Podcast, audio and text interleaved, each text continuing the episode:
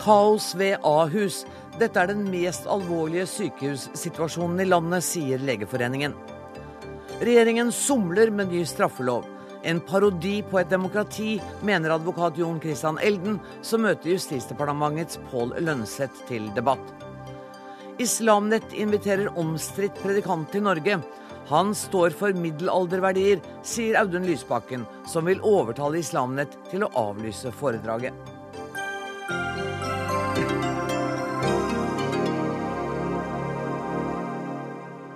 Dette er noen av sakene i Dagsnytt 18 i dag, der vi også skal gratulere glade Oscar-nominerte skuespillere og regissører. Men først. Pasientene får ikke sykehussenger og kommer seg ikke på do. Legene må operere uten assistanse. Sykepleierne er utslitt og blir syke, og nå sier ansatte opp jobbene sine. Dette har legene ved Akershus universitetssykehus sendt et brev til helseministeren om i dag. Og hva er det dere skriver i brevet, Ståle Klemetsen, lege ved ortopedisk avdeling på Ahus? Eh, vi skriver i brevet noe av det som er blitt sagt av, av sykepleiere og andre ansatte på, på sykehuset tidligere, at situasjonen har nå i lang tid vært eh, veldig vanskelig, med, med, dårlig kapasitet på sengepostene, dårlig kapasitet på operasjon. Og eh, den situasjonen som er beskrevet nå i akuttmottaket og i forbindelse med denne influensaepidemien, det er en akuttsituasjon nå, men, men, dette er ikke grunnen til vi har sendt dette brevet. Eh, denne situasjonen har vedvart i lang tid. Vi har sendt mange interne meldinger om det. Men dette handler jo om budsjett og om penger, og muligheten til å gjøre noe for den lokale ledelsen er ikke stor. Vi opplever at budsjettene kuttes eh, år etter år.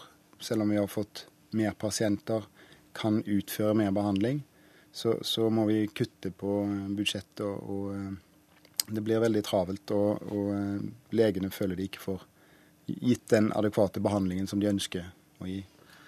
Vi har forsøkt å få tak i både sykehusledelsen ved Ahus, ledelsen i Helse Sør-Øst og helseminister Jonas Gahr Støre.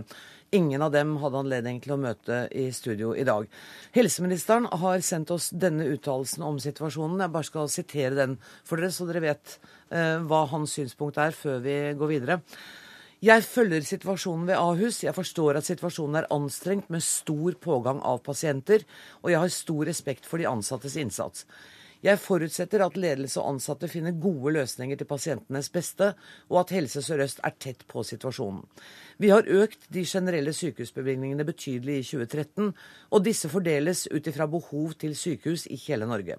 Jeg forutsetter at Helse Sør-Øst utnytter potensialet for samarbeid mellom sykehusene i regionen, slik at ledig kapasitet ett sted kan utnyttes for å avlaste den type press som Ahus opplever nå, skriver altså helseministeren i en e-post eh, til oss. Er du beroliget over denne uttalelsen? Nei, eh, ikke veldig beroliget. Altså, vi har hatt en situasjon hvor eh, vi i flere år har hatt forskjellige Eh, nedsatt forskjellige komiteer og grupper som skal se på omfordeling av ressurser innad på sykehus i samarbeid med andre sykehus. Og det bunner ikke ut i, i, noen ting. Og om man nå i en akuttsituasjon eh, får hjelp av et annet sykehus, så dette er mer langsiktig. Vi har eh, en situasjon som, som, krever strakstiltak, og helst før høsten setter inn og neste vinter. Det er vi nødt til å få på plass flere sengeplasser, ellers så blir det samme problemet også til neste år. Eh, og så må vi ha et mer langsiktig, eh, mer langsiktig utbygging. Eh, du sa at det, altså handlingsrommet til den lokale ledelsen er veldig begrenset. Så det brevet er altså ikke i første rekke en kritikk av den lokale ledelsen? Nei, vi har tatt dette opp internt i, i flere år. Um, og situasjonen som sagt har vært, uh, det har vært prekært i flere år. Og vi har tatt opp internt, og de har Eh, begrensede midler til å gjøre noe, og istedenfor så må vi være med på å prøve å kutte budsjett. Og, og i en situasjon hvor eh, eh, pasientene får en helt adekvat behandling, og vi, vi snakket om det at eh, man, driver, eh, man, driver, kanskje forsvarlig, og det, det har jo vært mye diskusjon om dette forsvarlighetsbegrepet.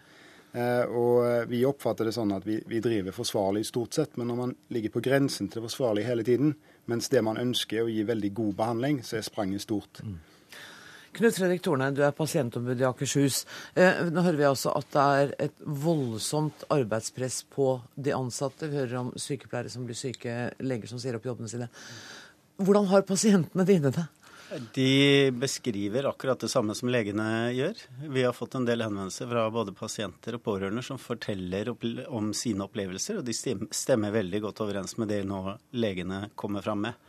Eh, det er lange, altså vente på operasjoner, bli liggende, utsatte operasjoner. Vente på å få hjelp, vente på å få smertestillende. Så det, det, er beskrivelser som jeg kjenner meg igjen i i forhold til det som pasienter og pårørende beretter til oss. Mm. Og det er den samme opplevelsen av at man balanserer på grensen av det uforsvarlige. Det er vel slik jeg kan tolke det, at det er forsvarlig, men det er kort vei til det blir ikke er det lenger. Ja, og det er klart at eh, når man over tid beveger seg så langt ned på skalaen, så er jo faren for at man på en måte faller under, og at det blir uforsvarlig i enkeltsaker. Den er helt klart til stede. Du fortalte meg før vi gikk i studio at uh, du ikke bare får henvendelser fra pasienter, men også fra leger. Det overrasket meg litt. Det har overrasket meg også, men det har vært både leger og sykepleiere som nå det siste året har ringt til meg og vært bekymra og ønska å komme fram med bekymringer om situasjonen på Ahus. Eh, det som har vært ytterligere bekymringsfullt, er at de har insistert på å være anonyme. Så det kan indikere at eh, det er lav takhøyde på Ahus for å ta opp disse problemene. Så jeg er veldig glad for at legene nå tar opp til dette. Som pasientombud, kan, hvilken påvirkningsmulighet har du? Altså, det er jo det å prøve å få satt søkelys på dette her. Det her er verdt en situasjon som egentlig oppsto den dagen de åpna i 2011. Eh, da ble jeg ansatt som pasientombud. Det tok ti dager før jeg hadde telefoner fra pasienter som lå på korridorer og beskrev kaotiske tilstander. Og det har mer eller mindre vedvart siden da. Dette er den mest alvorlige sykehussituasjonen i landet. Det var det du som sa, Hegge Essing, president i Legeforeningen. Og denne forsvarlighetsgrensen Vi skjønner at det meste er forsvarlig, men, men, det er vel en grense mellom forsvarlig og verdighet også? Jeg tenker å bli liggende altfor lenge og vente på en operasjon, ikke komme seg på do. Det er jeg helt enig og Det vil jo alltid være sånn at eh, legene på sykehuset vil være veldig forsiktige med å si at dette er uforsvarlig, fordi man vil ta hensyn til pasienten, og det er veldig riktig. Og Det foregår veldig mye bra pasientbehandling på Ahus. Men det de sier veldig tydelig og klart nå, er at eh, pasienter blir liggende altfor lenge. Opptil ti timer med alvorlige tarmproblemer som må eh, opereres. Lårhalsbrudd sendes hjem altfor fort, venter for lenge før de blir operert. Da øker infeksjonsfaren betydelig. Gamle mennesker kommer seg kanskje ikke tilbake fra det. Og Det har også vært situasjoner på Ahus hvor det er noe som heter katastrofekeisersnitt, hvor du bare må få ut bar det barnet så fort som mulig. Og, og, det har vært situasjoner på Ahus hvor de ikke har hatt kapasitet til det. Dette er veldig alvorlige historier som kommer til meg. Og nå sier legene veldig tydelig fra, og de har gjort det over tid. Og jeg opplever at de er ganske fortvilet nå, fordi den informasjonen tilsynelatende da stopper opp et sted på veien. Og jeg syns det er litt synd at helseministeren ikke kom hit i dag og snakket med oss om det. Ja. Men vi prøver å få et møte med han for å informere han direkte. For vi har grunn til å tro at det er noe som skjer med informasjon på vei opp til han. da. Men han sier jo i denne uttalelsen at eh, de generelle bevilgningene til sykehusene er økt betydelig i 2013, altså fra nå. Mm. Og disse skal fordeles ut fra behov til sykehus i hele Norge. Det, det er jo en betryggende setning. Ja, det høres veldig bra ut. Og så har jo vi lenge ment når det gjelder hovedstadsområdet og alle de omstillingene som har gått i det over tid, at dette er ikke planlagt godt nok, det er ikke bevilget nok penger til de i seg. Man handler dette bare om penger? Det handler, om, det handler, mye om folk, leger. Og da blir det på en måte et økonomisk spørsmål i seg selv. Eh, og det handler om utstyr, det handler om bygninger. Og det koster jo alt sammen. Poenget mitt er at man har ikke eh, tatt høyde for den befolkningsveksten som er i Oslo og området rundt. Og Ahus får jo veldig mange av de. Det kommer 50 000 eh, nye innbyggere til Norge hvert år. Det er vel nesten 20 millioner arbeidsledige i Europa. Mange av de vil komme. De vil komme til dette området. Og mange av de vil da også ha behov for helsehjelp. Og det er det ikke planlagt for. Og Derfor får du sånne prestede situasjoner som vi ser nå på Ahus. Men du som pasientombud er vel også klar over at uh, den akuttsituasjonen som har vært i forbindelse med influensaepidemien, og at det har vært en, en topp nå, at dette kanskje jevner seg litt ut? Det har vært en topp nå. Det var eh, en topp i midten av eh, desember. Da var det en tilsvarende situasjon der oppe. Da måtte Ahus eh, med akuttmottaket der ha hjelp fra andre omkringliggende sykehus for å takle det. Og de toppene kommer ofte. altså Det er så pressa der, så det skal ikke den store toppen til før dette korthuset ramler sammen. Ståle Glemmesen. Problemet er at man har en, en grunn Eh, gjennom hele året så har man en, en grunnbemanning og, og en, en, pasientbehandling som er, som vi snakket om, eh, på et minimum. Sånn at når vi får disse toppene, så blir det veldig dramatisk, og så setter man inn noen ressurser der og da. Men så går man tilbake til en habituell tilstand som ikke er akseptabel. Og nå har vi eh, på ortopedisk avdeling som jeg jobber, hadde vi i fjor et, eh, et gjennomsnittsbelegg på sengepostene på mellom 115 og 120 Eh, og bemanningen, Sykepleierbemanningen på disse sengepostene er bemannet opp til 85-90% belegg. Det vil Si at belastningen på sykepleierne blir veldig stor. Så må man leie inn ekstrapersonale, og så slutter folk fordi de ikke orker mer. Mm. Og Det samme gjelder jo legene da. Ja, Og belastningen på pasientene, pasientene blir jo da også ja. og, og, du kan selvfølgelig bekrefte det som uh, Gjessing sier om at uh, man har lårhalsbrudd som blir sendt hjem for tidlig. Man, man har situasjoner som man ikke skulle ha hatt. Vi, vi har eh, nesten en konstant situasjon på de kirurgiske avdelingene hvor pasientene må vente for lenge, for vi har ikke nok eh, operasjonskapasitet. Og Det er jo et kjempeproblem, og det fører også til komplikasjoner selvsagt når man må vente for lenge. Og hvis man tenker kynisk på det, så fører de komplikasjonene til ytterligere ut, utlegg for samfunnet. Det blir dyrere også, hvis man skulle se bare det økonomiske. Hege Essing, hva er øh, I en ideell verden, hva, hva, vil du si til helseministeren? Hva vil du at han skal gjøre nå for at dette skal bli bra? Ja, akkurat nå så trenger Ahus, de har sagt det veldig tydelig selv, de trenger 50 nye sengeplasser med en gang. Og de trenger da leger og sykepleiere som kan bemanne de, så de trenger flere folk. Og så har vi et eh, sentralstyrt legefordelingssystem som gjør at man ikke har mulighet i Norge på rundt omkring til å ansette de legene som trengs. Og det systemet bør fjernes, sånn at man kan få mer frihet i ansettelsesmuligheter. Det er helt hva, nødvendig. Det, akkurat det systemet skal vi, lover, skal vi snakke om i en Dagsnytt 18 i en ja, annen og, sammenheng. Ja, og så trenger vi ledere som har en frihet i jobbene sine til å kunne si fra om disse tingene, uten at de skal føle at de mister jobben hvis de sier fra at nå går det ikke. Eller at de må være anonyme når de ringer pasientombudet. Ikke sant. Som jo ikke er den, i og for seg den mest opplagte kanalen for en lege. Nei, nå snakket jeg om lederne Nettopp. i tillegg, Nettopp. som sitter med ansvaret. De må også kunne få mulighet til å si fra uten at de mister jobben sin med en gang de sier fra om at nå har vi en alvorlig situasjon. Jeg er utrolig glad for at dere tre kom til studio. Tusen takk skal dere ha, Ståle Klemetsen, Knut Fredrik Torne og Hege Gjessing. Hør Dagsnytt 18 når du vil, på nettradio eller som podkast. nrk.no – dagsnytt 18.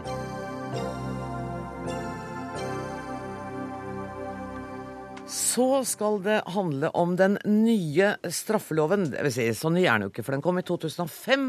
Eh, og regjeringen regner med at den vil kunne være fullt implementert, som det heter, altså tre i kraft i 2017.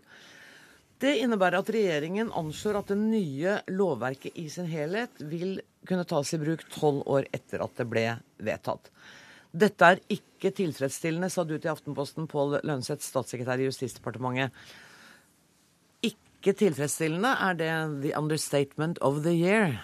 Altså, Er det virkelig et mildt uttrykk? Ja, det er i hvert fall sånn at vi ikke er fornøyd med at det skal ta så lang tid. Men, eh, og dette er ikke noe med at vi ikke ønsker å iverksette, men rett og slett noe med at vi nå er i ferd med å utvikle et uh, veldig omfattende IKT-verktøy for uh, politiet. Og det dagens IKT-verktøy for politiet den vil da ha utfordringer med å takle en implementering av en ny uh, straffelov. Og det er, det er, kanskje ikke umiddelbart lett å forstå, så hvis programlederen gir meg mulighet, så vil jeg gjerne forklare det lite grann. Det er altså sånn at Politiet, når de mottar en anmeldelse, så kodes den i forhold til eh, det påståtte straffebudet og legges inn i et eh, IKT-verktøy, hvor alle etterforskningsdokumenter senere produseres i samme IKT-verktøy. Eh, og hvis du da skal eh, gjøre om på den kodingen og legge til en ny lov i tillegg, fordi du må altså ha begge disse lovene virkende samtidig, så blir det eh, veldig omfattende. Eh, og det vil medføre at eh, det IKT-verktøyet man har i dag, ikke da vil tåle det. Og det vil ha betydning for både stati statistikk og analyse av den kriminaliteten som skjer og sånn, og den er viktig. Og så er det ikke noe dramatikk i at en ny straffelov ikke er iverksatt. Det er svært uheldig. Eh, og vi skulle gjerne ha den i kraft. Men det er ikke en dramatikk i det, for det er ikke sånn at den nye straffeloven omkalfatrer på hva som skal være straffbart og ikke straffbart i dette samfunnet. Det er fortsatt sånn at eh, de aller fleste bestemmelser i en ny straffelov, ja, de vil du eh, også finne i den gjeldende straffeloven. Det er altså udramatisk, Jon Christian Elden Være, du hisser deg sånn oppover som advokat? Her er det politisk eh, knefall. Her følger man ikke opp det man skal. Man kan ikke si at det er datamaskiner i Norge som skal avgjøre når en lov trer i kraft. Eh, vi har en lov som er vedtatt i eh, mai 2005 med en god del generelle bestemmelser. Eh, blant annet så har bestemmelser f.eks. om hva som defineres som et offentlig sted. Noe som var gjenstand for Jens Stoltenberg sin nyttårstale. Hvor han sa at ja, nå måtte vi sette i gang et arbeid for å få ikrafttredelse av en lovbestemmelse som han håpet å få til til sommeren. Den vedtok Stortinget i mai 2005. Mm. Og Stortinget vedtok i mai 2005 at den loven trer i kraft når kongen bestemmer. Mm. Altså det vil si at Når regjeringen ønsker at den skal tre i kraft, så trer den i kraft. Ja, og Da trenger man ikke vente i syv, åtte, åtte og et halvt år før man gjør det. Og så har vi sett konkrete eksempler på at dette er en ny lovgivning som, har, som det har vært behov for, men som man da ikke har hatt. Det er bare ett eksempel av eh, mange. Så, og denne fikk jo konsekvenser, ikke sant? Ikke, og jeg kjøper ikke dette si, kodingsargumentet, fordi at poenget er at eh, loven skal brukes av eh, domstolen. Politiet kan kode som de vil, det for min del. Men en dommer skal bruke huet sitt. Og han skal bruke det ut fra det lovverket som Stortinget har vedtatt at skal være gjeldende straffelov. Og da bør det komme i kraft eh, ganske raskt, og så får statistikerne ta det de trenger i ettertid. Ja, og er, jeg, jeg, undersøkte litt i dag. Altså Det tok eh, ca. to og et halvt år eh, fra den forrige straffeloven av 1902 ble vedtatt til den ble iverksatt. Eh, og når det gjaldt straffeprosessloven, som vi fikk på slutten av 1800-tallet, så tok det også drøyt to år. Og da innførte man til og med en overordnet påtalemyndighet, som vi aldri hadde hatt i dette landet. Og da tenker jeg, Dere sier at dere nå er i arbeid med å få til en implementering. Dere satt da vitterlig i regjering i 2005 også? Uh, ja, den, deler av den nye loven er kom i 2005. Den, uh, ikke alt av den. den siste delen av den kom i så sent som i 2009. Selv om altså det er lenge siden. Og alle var kjent med da vi fremmet loven både i 2005 og 2009 at det vil fortsatt eh, gå noe tid før man kunne implementere den nye straffeloven fullt ut. Men nå er det jo sånn at de bestemmelser som er nye i den nye straffeloven, i en forstand at de har et annet innhold enn den gjeldende straffeloven, ja, de har vi eh, til dels satt i eh, kraft ved å implementere og føre den over til den gamle straffeloven. Det har vært mulig innenfor da dette IKT-verktøyet. Og vi gjør også noe av dette i forbindelse fram mot sommeren med noen andre bestemmelser. Hvilke f.eks. da? Ja, det vi har gjort Terrorbestemmelser, f.eks.? Ja, men det vi, det vi jo har foreslått, er det jo, eh, som Elden nevner, dette med definisjonen av offentlig sted som har betydning for flere bestemmelser. Den har vi fremmet en lovproposisjon nå for Stortinget eh, rett før jul, som Stortinget da skal behandle til våren. Uh, og Der vil de da ta stilling til det. Grunnen til at vi må gå til Stortinget med det, er for at vi endrer den gamle straffeloven. Uh, og den kan ikke regjeringen endre på egen hånd. Det er uh, Stortinget som vedtar lover. Mm. Men, ja, nettopp. Rent faktisk så kan regjeringen det, men det bør gå like raskt i forhold til eh, Stortinget. Man kunne sagt at en ny straffelovs paragraf 10 er det vel, trer i kraft fra førstkommende statsråd. Det kan man bestemme. Og da er i så fall definisjonen av offentlig plass eh, endret. Det er klart at det blir et lappeteppe. Man kan godt gå til Stortinget og si at man vil ha en del endringer i 02-loven, og ta inn f.eks. endring av strafferammer. Det har ingen betydning for statistikken. Om en strafferamme er fem år, seks år eller åtte år, får ingen betydning for noen statistikkføring. Men det gjør at dommerne har noe å forholde seg til. Eh, en del straffebud har endret skyldkravet, eh, f.eks. terrorbestemmelsen. Mm. Eh, så forsett ikke lenger skal være nok. Det skal være hensikt. Altså Det er strengere krav for udømte terrorbestemmelsen ja. etter hva Stortinget har vedtatt. Det har ingenting med statistikk å gjøre. Men man har unnlatt å iverksette det. Det er, det er straffebud som er opphevet, som man da har unnlatt å iverksette opphevelsen. Eh, fordi at man venter på at dette skal skje i sin helhet. Eh, slik at altså For det første så er statistikk et dårlig argument uh, uansett, fordi at det kan ikke styre lovverket. Men for det andre så holder det heller ikke på veldig mange av lovendringene. Vi har fått en straffebestemmelse om straff for barn. Barn skal helst ikke i fengsel. Ny straffelovsparagraf 33. Den kan tre i kraft umiddelbart, uten det minste problemet i det hele tatt. Strafferammer det er mye som ikke krever noe statistikk, og som kongen har fullmakt per i dag fra Stortinget til å sette i verk hvis kongen ønsker. Og kongen, det er regjeringen. Du sier at dette er et demokratisk problem? Det er et demokratisk problem når det ble vedtatt en lov i mai 2005, og vi nå sitter i januar 2013, og regjeringen sier at ja, tidligst i 2017 så skal man få en lov inn. Vi har bestemmelser i Grunnloven som sier at kongen plikter å sanksjonere lover. Og i det så ligger jo at han også får plikter å sette dem i verk. Mm. Kan nesten ikke bare legge dem i skuffen sin og si at ja, ja, jeg nekter å ikke vedta den. Jeg bare gidder ikke vedta den. Nei, og, og, Dette handler ikke om å gidde å vedta den, og det vet du utmerket godt. Det er, eh, som jeg har sagt, eh, vi skulle gjerne ha satt den i kraft tidligere. Men hvis du kaster på båten alle IKT-verktøy som et moderne politi skal operere etter, og så ikke tar hensyn til de omfattende investeringer i et nytt IKT-verktøy som nå regjeringen har satt i gang for politiet sin del, ja, så eh, er du tilbake i arbeidsmetodikk som ligger veldig, veldig mange år tilbake. En arbeidsmetodikk som man hadde da man fikk eh, ny straffelov i 1902. Det var ingen dataverktøy den gangen. Det var eh, også flere tusen mindre straffesaker i året man skulle behandle. Jo, men dere klarer å implementere noe. Altså, det som er Noe av Ellens poeng her er vel at en del av disse bestemmelsene vil ikke få konsekvenser for statistikken, hvis dere f.eks. hadde gått inn og endret straffeloven av 1902 og økt strafferammene sånn som men, du men, men, men, kjære venn, men kjære venn Eller redusert. Vi, vi har endret straffeloven eh, helt siden den ble vedtatt i 1902. Jevnlige endringer og oppdateringer, nye straffebud som er implementert.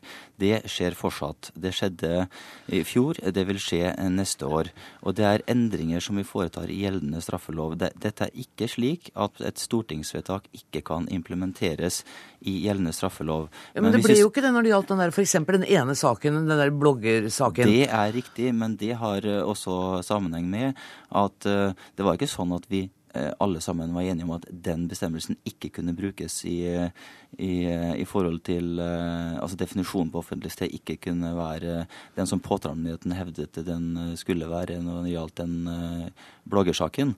Eh, det var jo også dissens i Høyesterett hvorvidt den gamle straffeloven kunne brukes til det. Eh, men når vi så at Høyesterett kom til den konklusjonen i den bloggersaken at den eh, definisjonen ikke var tilstrekkelig for å ramme det aktuelle forholdet, ja, så gjorde jo regjeringen tok initiativ til å gjøre en veldig rask endring, som også kom før jul, og som vil bli vedtatt i Stortinget før sommeren. Så da bruker de altså ett år på å sette i kraft det som Stortinget allerede har vedtatt, og gitt kongen fullmakt til å sette i verk hvis kongen ønsker det, og kongen er fortsatt regjeringen. Jeg skjønner det fortsatt ikke. Og det er vel, det er vel også sånn at der, det ene kapittelet er det kapittel 16 som handler om uh, folkemord. Den er trådt i kraft. Og, og den har, den, så det er jo hva dere prioriterer. Det, det, har dere jo klart. Det har trådt i kraft fordi eh, Det er også fordi at det er en helt uh, nye bestemmelser som ikke var i nitt, uh, den gamle straffeloven. Eh, og som er et kapittel i den nye straffeloven som står helt på egne ben. Eh, det er som Elden selv er inne på, eh, det vil være et voldsomt lappeteppe og være veldig upedagogisk for borgerne som skal forholde seg til en straffelov, hvis du skal implementere den loven på den måten som Elden sier. I tillegg til at det altså vil medføre at effektiviteten i politiet og påtalemyndighet vil, vil falle dramatisk. Men du skjønner at for oss vanlige dødelige så er det vanskelig å begripe at det er datatekniske problemer som gjør at dette ikke kan iverksettes? Ja, det skjønner jeg veldig godt. Eh, det har jeg jobbet en stund med selv også for å begripe.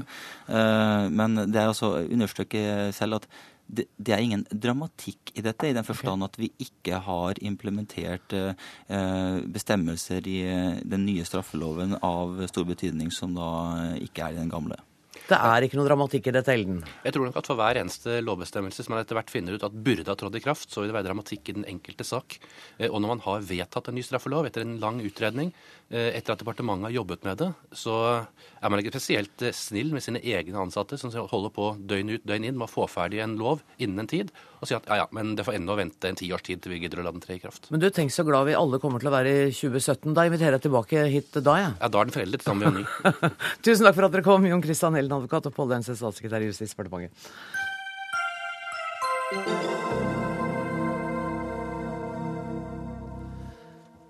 I morgen kommer den kontroversielle sharia-dommeren og predikanten Haitam al-Haddad tilbake til Oslo for å holde et nytt foredrag for norske ungdommer i regi av Islamnett.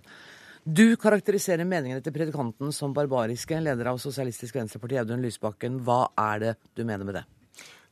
På et par punkt eh, som handler om eh, det å forsvare steining ved utroskap, eh, det å forsvare dødsstraff for konvertitter i en islamsk stat, så syns jeg det er vanskelig å bruke noe annet eh, begrep enn eh, barbarisk. Jeg syns dødsstraff eh, generelt er barbarisk, og med disse begrunnelsene så blir det jo en, en ekstra dimensjon ved det.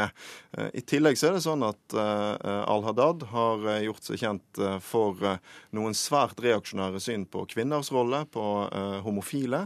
Argumentert for at kvinner ikke bør være i arbeid, for at jenter bør giftes når de er svært unge. Eh, at ekteskap er et familievalg, eh, at eh, vold i familien er en privatsak osv.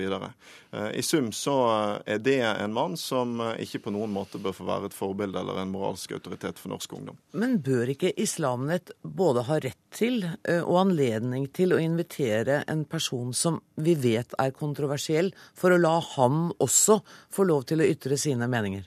Jo, selvfølgelig. Og det er ingenting i det jeg har skrevet eller sagt som uh, har til hensikt å frata Islamnett uh, retten til å uh, invitere hvem de vil. Men du vil gjerne en, overtale dem til å avlyse? Men en viktig del av religionsfriheten er jo også at en må akseptere å bli motsagt. At noen tar til motmæle når en fremmer verdier som er kontroversielle. og det ville være ille, syns jeg, hvis al-Haddad kom til Norge uten at noen diskuterte det han står for. og Derfor gjør jeg det. Er du redd for den påvirkningskraften han kan ha overfor unge mennesker? Nei, altså jeg tror ikke de verdiene og de holdningene han formidler er representative for uh, særlig mange. Uh, verken for uh, norske muslimer eller norsk muslimsk ungdom. Men jeg uh, syns likevel det er på sin plass å utfordre Islamnett på om de holdningene han har uh, brakt til torgs, er noe de ser på som et forbilde. Om det er noe som uh, er et, uh, et, en god autoritet å, å, å, presentere for ungdom. Og så ser jeg jo at man har reklamert med at dette er en mann som kan forelese om hvordan det er å være muslim i Vesten. men mange av de verdiene som fremmes her, er jo nettopp noe som vil gjøre det svært vanskelig å fungere i Vesten, og tvert imot føre til isolasjon og segregasjon. Og det mener jeg er negative verdier. å å eh, viderebringe til norsk ungdom. Leder av Islamnett, eh, Fahad Qureshi. Eh, mener du at denne predikanten er et godt forbilde for unge muslimer i Norge? Jeg syns at han er et meget godt forbilde for veldig mange mennesker, både muslimer og ikke-muslimer. Fordi at de tingene som han sier, er helt vanlige ting i islam som den store majoriteten av muslimer forholder seg til.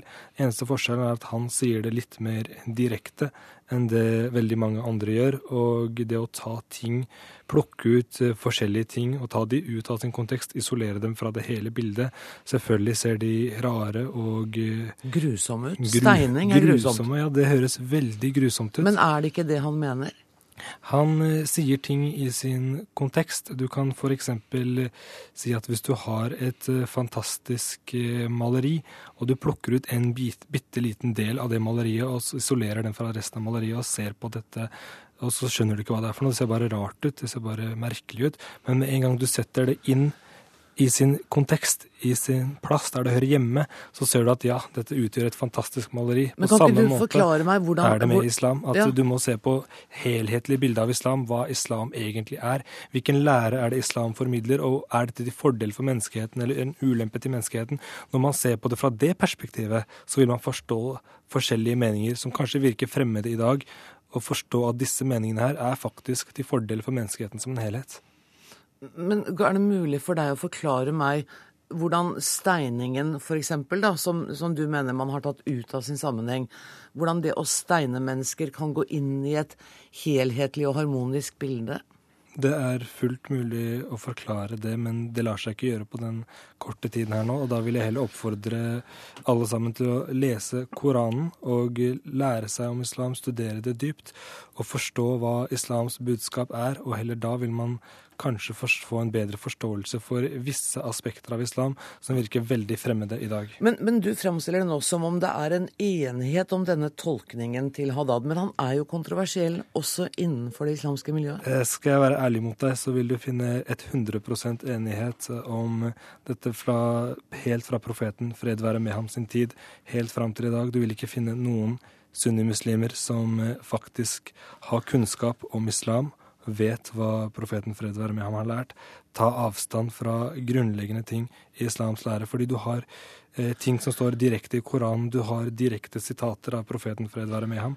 Og det å kritisere en person for å ha disse meningene, er som å kritisere selve religionens eksistens, fordi dette er meninger som er forankret i religionen, og da mener man at selve religionen burde forbys. og det og det er et veldig veldig drøyt eh, standpunkt å ta. Og jeg syns også at Lysbakken heller burde møte møte doktor Haddad og snakke med han, prøve å få en bedre forståelse for hvorfor han har disse meningene, fremfor å oppfordre til å nekte han å tale eller for oss å avlyse arrangementet, slik at han ikke skal få muligheten til å formidle det. Fordi ytringsfriheten bør gjelde også for de som har meninger som man kanskje ikke forstår, eller virker, frem, eller virker fremmede, eller for å sette det på spissen, virker barbariske for noen. Mm. Men hvis man ikke er villig til å møte det med dialog, så vil du heller aldri få forståelse for hvorfor 1,6 milliarder mennesker har en annen virkelighetsoppfatning enn seg selv. Og, og disse, Det er jo ikke bare ville virke barbarisk, men disse handlingene vil også være straffbare i Norge? Det, men det er jo ikke snakk om i Norge i det hele tatt. Han oppfordrer 100% til å følge eh, norsk lov i Norge eller amerikansk lov i USA. Han bare forteller, hvis noen spør om hva er eh, islams eh, ståsted i forhold til visse, eh, eh, visse ugjerninger, hvordan disse vil bli håndtert med i en islamsk stat hvor mm. det er muslimer som velger. Det, det er i hvert fall helt tydelig at dere kommer ikke til å avlyse det planlagte foredraget i morgen, eh, Lysbakken. Det hadde du kanskje heller ikke regnet med? Nei, jeg hadde ikke ventet det. Men jeg eh, syns jo svaret til Qureshi er ganske nedslående likevel. Fordi én eh, ting er nå tross alt å, å, invitere noen for å høre hva de har å si. Eh, men eh, det Qureshi her eh, ganske tydelig gir uttrykk for, er jo at han deler Eh, også det er en del av de veldig kontroversielle oppfatningene som eh, Al-Haddad eh, har kommet med. Det er jo ikke sånn at ytringsfriheten fungerer på den måten at man fordi man tilhører religion, kan unndra seg kritikk. Eh, og det er jo heller ikke sånn at eh, alle religiøse er så bokstavtro som det du gir eh, uttrykk for her. Det er mange muslimer som bor i Norge. Jeg er glad for det. Jeg tror fryktelig mange vil reagere på din påstand om at alle muslimer deler denne typen synspunkt. Det er ikke riktig. Jeg tror det du har tatt til orde for, er Eh, noe som eh, svært få er enig i. Og det hjelper jo lite at du er for steining i et eller annet ideelt framtidssamfunn. Det er akkurat like forkastelig å være for å steine folk eh, for utroskap, uansett når og hvor det skulle være. Det er akkurat like forkastelig å være for dødsstraff for konvertitter. Det er ingenting som har noe i et, et humant og ålreit samfunn å gjøre. Kureshe, dere kommer altså til å gjennomføre dette foredraget. Hvor mange regner du med kommer dit i morgen? Vi kommer til å gjennomføre foredraget. Vi regner ikke med at det skal komme så veldig mange, fordi vi har et veldig lite lokal. Det er plass til 50 mennesker, og da regner vi med at det kommer 50 mennesker. Men bare sånn til opplysning, jeg nevnte ikke at absolutt alle muslimer deler disse oppfatningene, men at alle de muslimene som har kunnskap om religionen og følger sunni-islams lære, som har vært praktisert i 1400 år, ja, de vil dele disse oppfatningene. Altså alle lærde som har forståelse. Og samtidig vil jeg igjen påpeke at eh, Lysbakken tar ting ut av kontekst og sier at uh, alle disse verdiene er forkastelige og motbydelige, eller hva det skulle være for noe. Men det er faktisk islam han snakker om. Dette er helt grunnleggende verdier. Han kritiserer ikke bare den personen som formidler verdiene, man kritiserer vår profet også, fred være med ham, som har hatt de samme verdiene og har praktisert disse verdiene. Man har autentiske kilder på at det har blitt praktisert, og da syns jeg det er bedre at man bruker et bedre ordforråd når man ordlegger seg, enn å bare si at det er barbarisk eller du, forkastelig. Da fikk du presisert og understreket det. Der må jeg si tusen takk for at dere kom eh, til Audun Lysbakken og til Fahad Qureshi.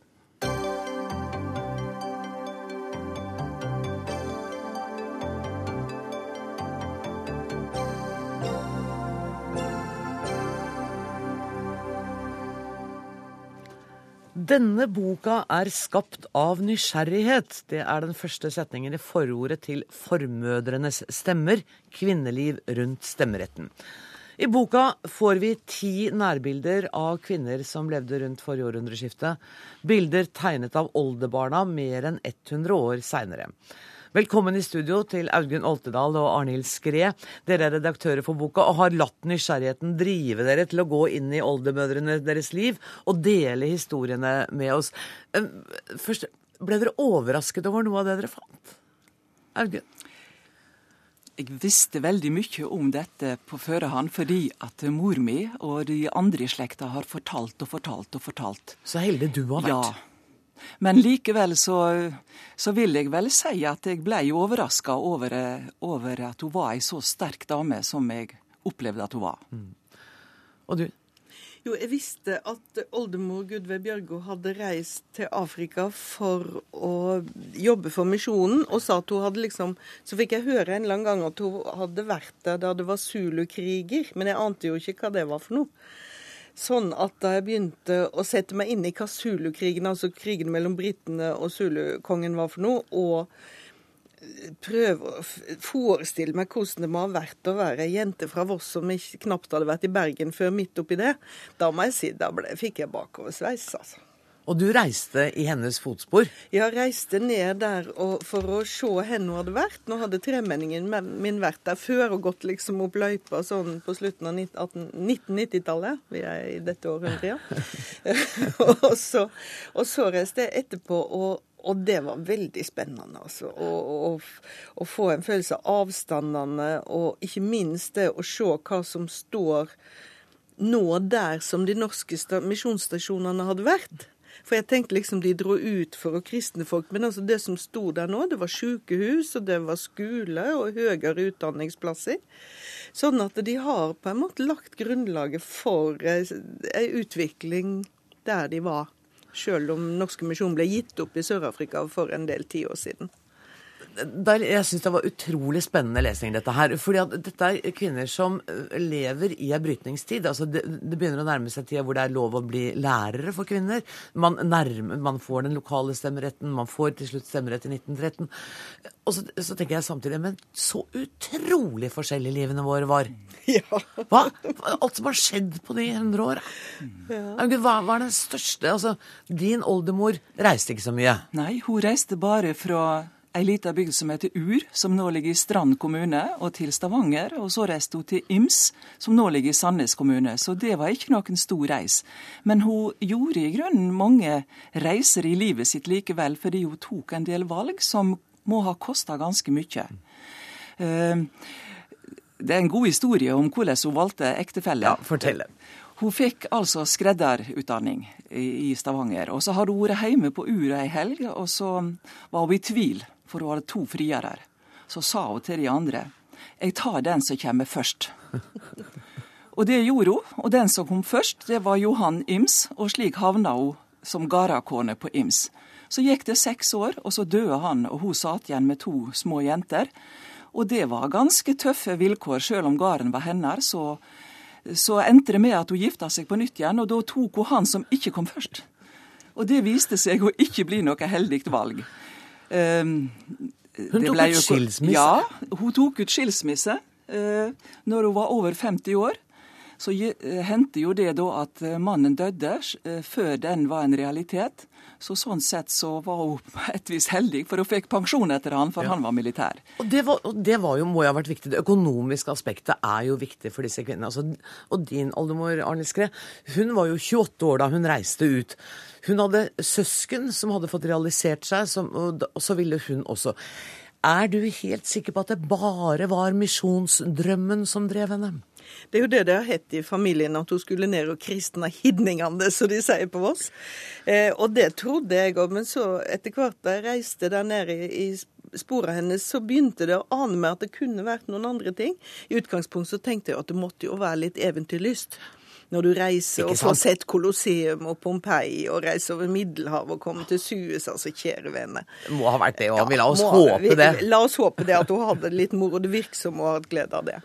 Eh, men det slo meg òg etter hvert som, som, jeg var der nede og begynte å studere etterpå de andre misjonærene, sånn at, at, det er jo òg De blir jo òg innvandrere. Altså de blir settlere. De blir, det, det, er en form for utvandring. Mm. Så mye som en tredjedel av de som jobber for misjonen i de åra, norske nordmenn altså i Sør-Afrika, de blir kolonister. altså De kjøper farmer, de setter seg ned med handelshus og, og blir da kolonister tjeneste under dronning Victorias hærs beskyttelse, som jeg, som jeg skriver i boka. Og dette gjør altså Godvei òg. Hun får, det, hun kjører, får, seg en mann som heter Nils, som er fra Voss, han òg, som kommer ned, og så de møter og gifter seg. Og har planer om å bli der, men så, ja. så tar livet andre vei. Folk må lese litt sjøl også, tenker jeg. Det er litt sånn en naturkatastrofe og litt ja. forskjellige ting. Men altså, i utgangspunktet så var det nok det de ønska seg. Men når, når, vi leser, så tenker jeg at alle disse begrensningene som kvinnen hadde mm. kvinnen, Det var uh, skam knytta til å få uekte barn, f.eks. Det var skam knytta til sykdom. Det var skam knytta til fattigdom. Mm. Um, og så slår det meg at ja, det er fint å, ta, å si at sånn har ikke vi det. Mm. Vi har vel ikke det når det gjelder uekte barn? Nei, vi har Det vi tror, kalte uekte barn. Nei, det er jo ekte som bare det. Jeg tror at det er et av de områdene der, der det har skjedd størst holdningsendringer i vårt samfunn på 100 år. Ord som lausunge og uekte barn er på vei ut. Mm. Nå hører du jo oftere enn før snakke om bonusbarn. Ja. Er ikke det en veldig positiv klang ja, i det? Jo, Så her har det skjedd ganske mye. Men sykdom er jo fortsatt skam, og tuberkulosen som gikk som den hvite pesten ved forrige århundreskifte, og som fremdeles Det er jo mor mi forteller at da hun skulle besøke søster si i krigen, og de sykla til Landeskogen i Øvst i Setesdal fra øh, Sandnes, fra Høle, så måtte de la være å si at de skulle dit når de skulle ha overnatting. Fordi de var redd for at da fikk de ikke overnatting. Og vi husker, jo, alle, ja, og vi husker jo all skammen knytt, som var knyttet til hiv og aids da de sykdommene kom. Og en, jeg, jeg, må dessverre springe litt, for da tida løper litt fra oss. Men jeg tenker også på religionskonflikter. Nå hadde vi en debatt her i stad mellom liksom, hvordan skal muslimene oppfattes, hva skal de få lov Det var jo religionskonflikter den gangen. I grunnen er det noe av det mest spennende, syns jeg, i den historien jeg har skrevet, og den har jeg eh, grave litt i. Fordi at uh, oldemor mi hun sto for de frilynte idealene. Det er ingenting som tyder på at, uh, at hun uh, gikk inn i det som var lekmannsrørsla. Hun var markert på den frilynte fronten. Og på den tida så gikk de store skillelinjene i norsk kristenliv de gikk mellom de frilynte og pietistene. Så den konflikten den flytta inn på det tunet da svigersønnen kom og gifta seg med datteren hennes, fordi de hadde blitt med i de store vekkingene som gikk over Høgsfjord, med Tormod Rettedal som ble omtalt som en annen eh, Lars Oftedal. Lars Oftedal ja. Mm. Eh, og, og den, den, konflikten den var markert. Oldemor hun hadde lyst til å bygge ungdomshus til de frilynte i bygda, og gikk til svigersønnen og sa her syns jeg at vi skal bygge dette huset. Nei, sa han. Han ville ikke ha ungdomshus på sin gard. Men så hadde hun tatt av noen mål, og så ble det bygd ungdomshus der. Nå skal det sies at når det gikk noen år, så jamna det seg ut, og det ungdomshuset det ble brukt både av Samemisjonen og Frelsesarmeen. Men at de mislikte at det kom et slikt hus, helt klart. Ja. Og det hadde med synet på kristendom å gjøre. Vi har, vi har lang trening egentlig i å, å, takle religiøse forskjeller i dette mm. landet, enten det nå er mellom forskjellige religioner eller det er sånn som i Tudde og oldemora til Audgunn at det er to forskjellige syn innenfor kristendommen. altså Vi kan ikke underslå det. det og jeg syns òg det med denne boka og arbeid med den, altså at det er òg et sånt herlig perspektiv at at vi finner ut at disse her gamle damene fra 100 år tilbake, de var ikke sånne passive offer som vi er vant til å tenke på de. I hvert fall ikke de, de oldemødrene deres. Og de ville gjøre ting, og de tok i bruk de mulighetene samfunnet ga dem. Det er jo en deilig tanke, er det ikke det? Jo, men altså 30 sekunder nå til slutt på å tenke Tror dere at våre etterkommere om 100 år syns at vi har levd veldig rare liv? Ja. ja, det syns jeg kanskje. Så tenker jeg kanskje at ikke de var så intolerante som vi ofte tror, fordi de levde godt med den konflikten som gikk gjennom det tunet. Og da håper vi at våre etterkommere syns at vi kanskje var litt rause og ikke så fordomsfulle. Og de er litt rause med oss. Ja, det får vi virkelig håpe. Tusen takk for at dere kom, Arnhild Skred og Audgunn Oltedal. Og boka heter altså eh, Formødrenes stemmer kvinneliv rundt stemmeretten.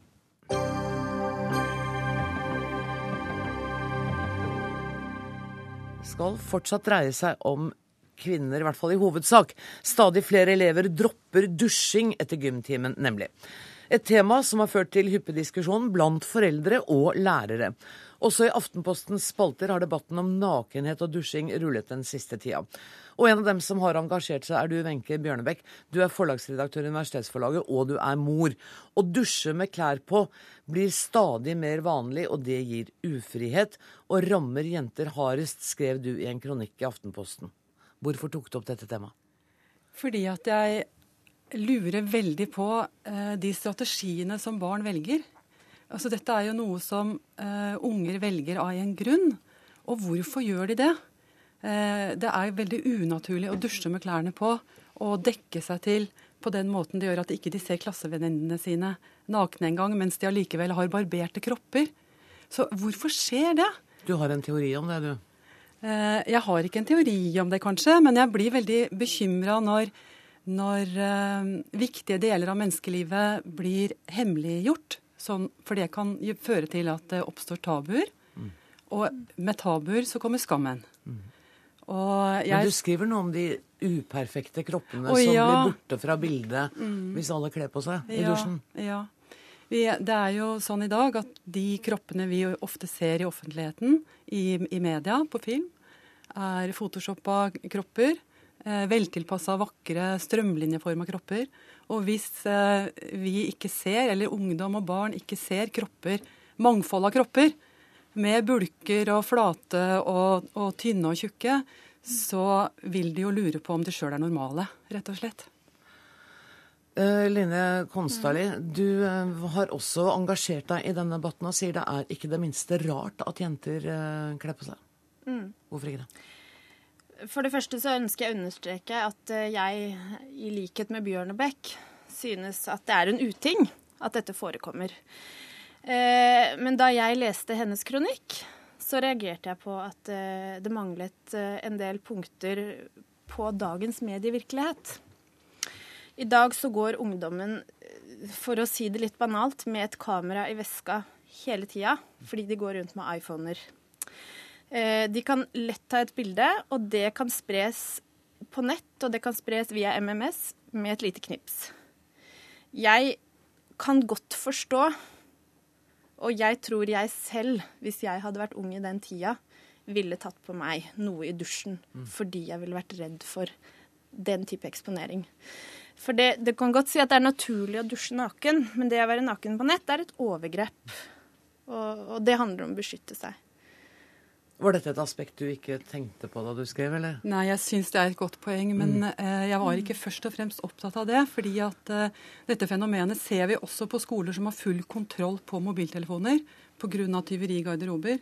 Altså Lærerne samler inn mobiltelefoner sånn at elevene kan være trygge på det. Mm. Men det er klart at det, for, det, forklarer jo noe av det, mm. men ikke alt. Og jeg blir nysgjerrig på hva det ikke forklarer. For det er jo sånn at uh, dette denne bluferdigheten, hvis man skal kalle det det, skjer jo samtidig med at man legger ut bilder av seg selv på nettet. Ja. ja. Og kan masse om sex. Sånn at det er, Hva er det som skjer? Vi, som voksne så må vi finne ut av det, for vi har et ansvar for å hjelpe barna med de strategiene. Og det er jo riktig. altså At, mm. at de vet masse om sex, og de legger ut ja. bilder av seg eh, på nettet. Ja. Eh, nå har vel Facebook stoppet adgang til å legge ut nakenbilder, men allikevel. Ja. ja, og igjen, jeg er helt enig med Bjørne Men hva gjør vi da? Hvis, det, hvis, hvis, hvis, alle er enige om at det er synd at mm. jenter ikke tør å dusje nakne på mm. skolen eller på treninga eller i gymsalen, hva, hva, ja. hva syns du man skal gjøre da? Jo, altså, For det første så vil jeg jo si at jeg ofte ser altså Jeg har vært i svømmehaller hvor jeg har sett ungdommer ta bilde av hverandre i garderoben. Og hvor jeg ba en av dem slette bildet fordi jeg tror at noen bak ble tatt bilde av som skiftet. Så det er en stor del av deres virkelighet. Eh, jeg er jo også enig med Bjørnebøk i det at man kan samle inn mobiler. altså enkelte, I enkelte europeiske land så er det jo totalforbud mot mobiler på skolen. Det er jo litt rart at de norske skolene er så handlingslammet i forhold til dette her, da.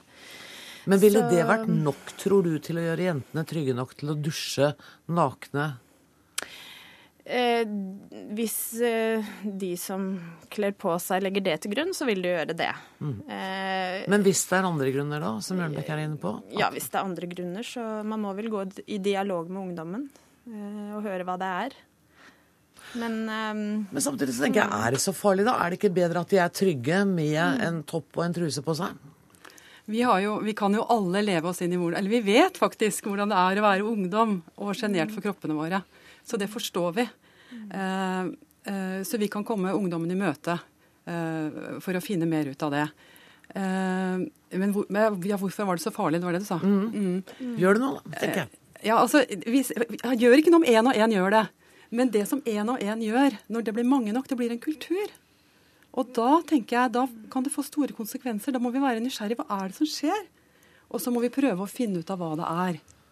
Men hvis denne kulturen For dette kan jo også ha noen religiøse sider. Det kan være mennesker som av religiøse grunner da vil, vil dekke seg til. Vil, ikke, vil, det være farlig om det var en kultur at unge jenter kledde på seg i dusjen?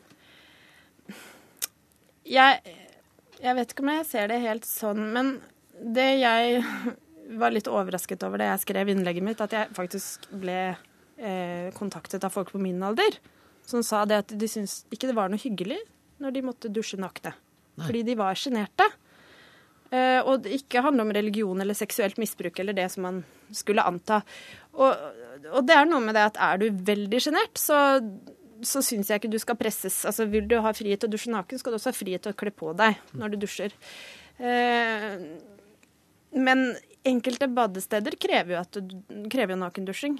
Så eh, Bjørnebekk, ja. hva, hva, tenker du? Hva er tiltakene? Er det å få vite hva grunnen er til at så mange vel, av de unge jentene velger å kle på seg? Det tror jeg er, eh, det tror jeg er ganske viktig. Mm. Og jeg tror at det ansvaret det har vi som foreldre. Lærerne har det, og politikerne har det. Mm. Forskerne har det. Finne ut mer av hvorfor barna har valgt denne strategien. Mm. Hvorfor velger de å skjule seg? Ja, ja. Og kanskje får dere en masse gode svar på det nå når dere har vært i Dagsnytt 18. Kanskje Twitter koker over av akkurat dette spørsmålet. Tusen takk for at dere kom, eh, Line Konstali og Wenche Bjørnbekk.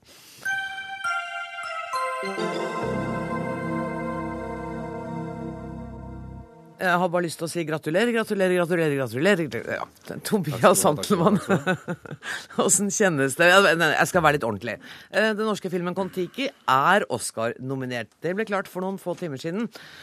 Og filmen er eh, nominert i kategorien beste utenlandske film, og konkurrerer mot filmer som blant andre Amour, Warwich og A Royal Affair.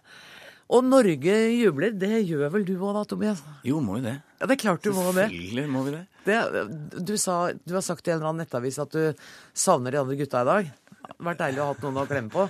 Eh, ja, vi ble jo fryktelig glad i hverandre på den flåtta. sånn at eh, når sånne dager som det her dukker opp, så eh, vil vi veldig gjerne være sammen og ha gruppeklem og kysse og kose så mye vi bare kan. Og det må dere vente med til utdelingen, da? Ja, jeg har fått møtt et par av de, og det var hyggelig. Men, men vi får vente til kanskje utdelingen. ja. Dere, var, dere, er travle mennesker, for vi har prøvd å få fatt i veldig mange av dere i dag. Og dere er i fulle jobber. Hadde vel kanskje ikke regna med akkurat dette? Nei, man setter ikke av timeplanen fordi man kanskje blir eh, det, det nominert her. Det gjør man ikke. Sånn og hva at, har du eh, lært av dette?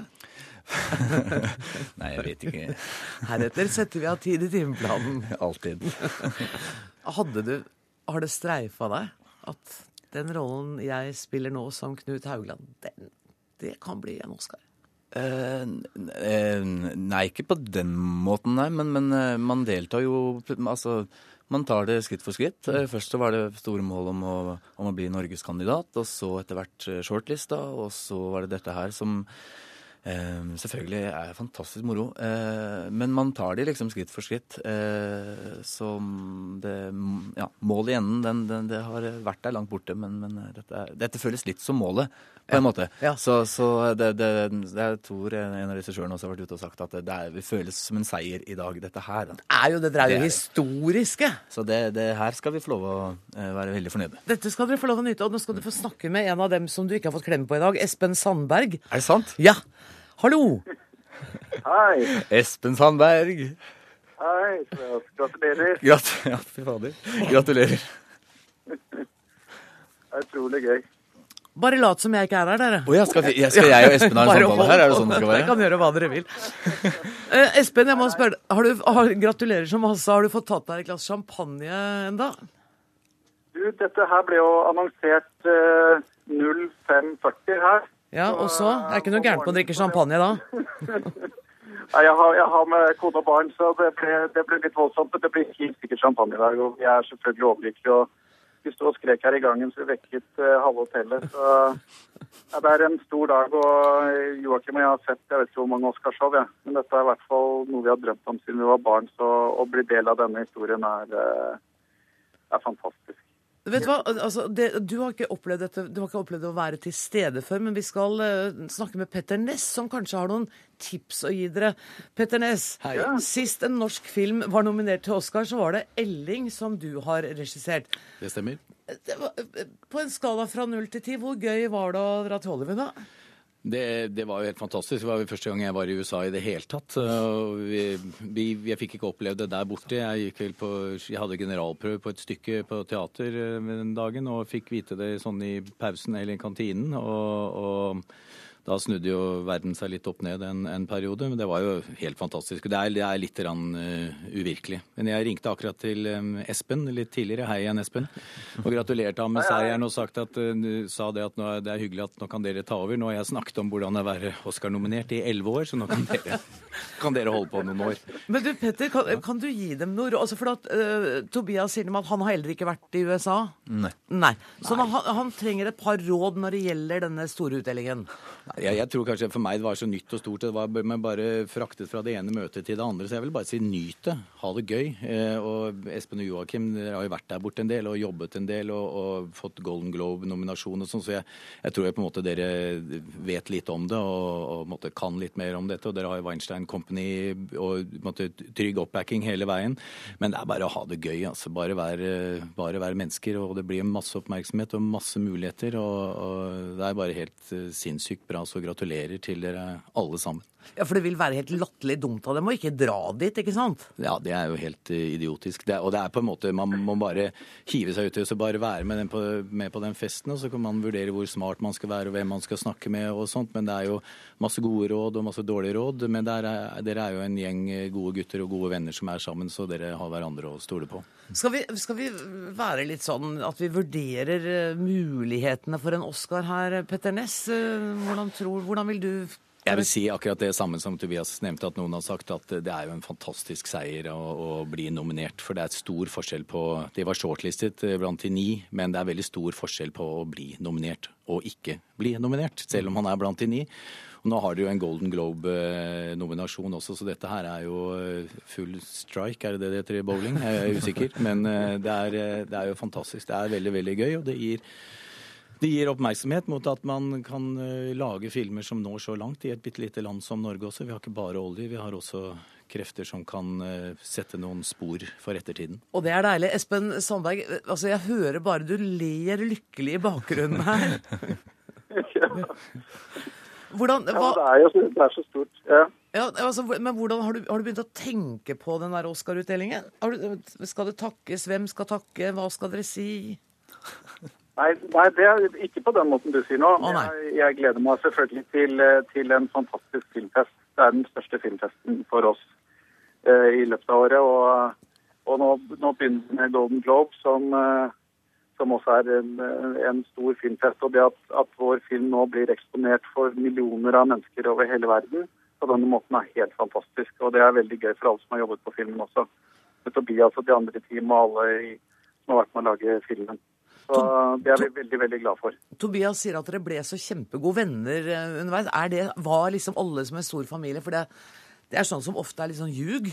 Du spør meg nå, Ja. liksom? Nei, det er helt uh, sant, altså. Det, det, jeg tror det er altså, Honnør til regissørene og casterne som har plukka ut en gjeng med seks skuespillere som har, liksom, er på, mannlige skuespillere på 30 år, som samles og skal jobbe et sted hvor de er uten vind. Uh, altså, det er jo kanonvarmt på Malta. Uh, um, litt sånn på diett.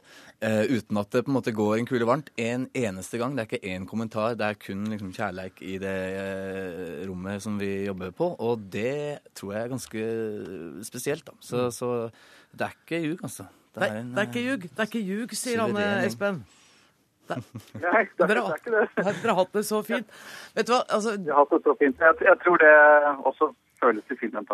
Så Ja, det er veldig bra. Vet du hva, Eh, jeg skulle gjerne tilbrakt resten av kvelden med dere. Eh, Det kan jeg ikke, for om tolv sekunder går vi av lufta. Jeg må bare si tusen takk til Petter Næss, Tobias Santemann og Espen Sandberg. Og så skal jeg bare til slutt si at ansvarlig for denne sendinga var eh, Dag Dørum. Det tekniske ansvaret har Karl Johan Rimstad. Jeg heter Anne Grosvold. Vi høres i morgen. Takk for nå.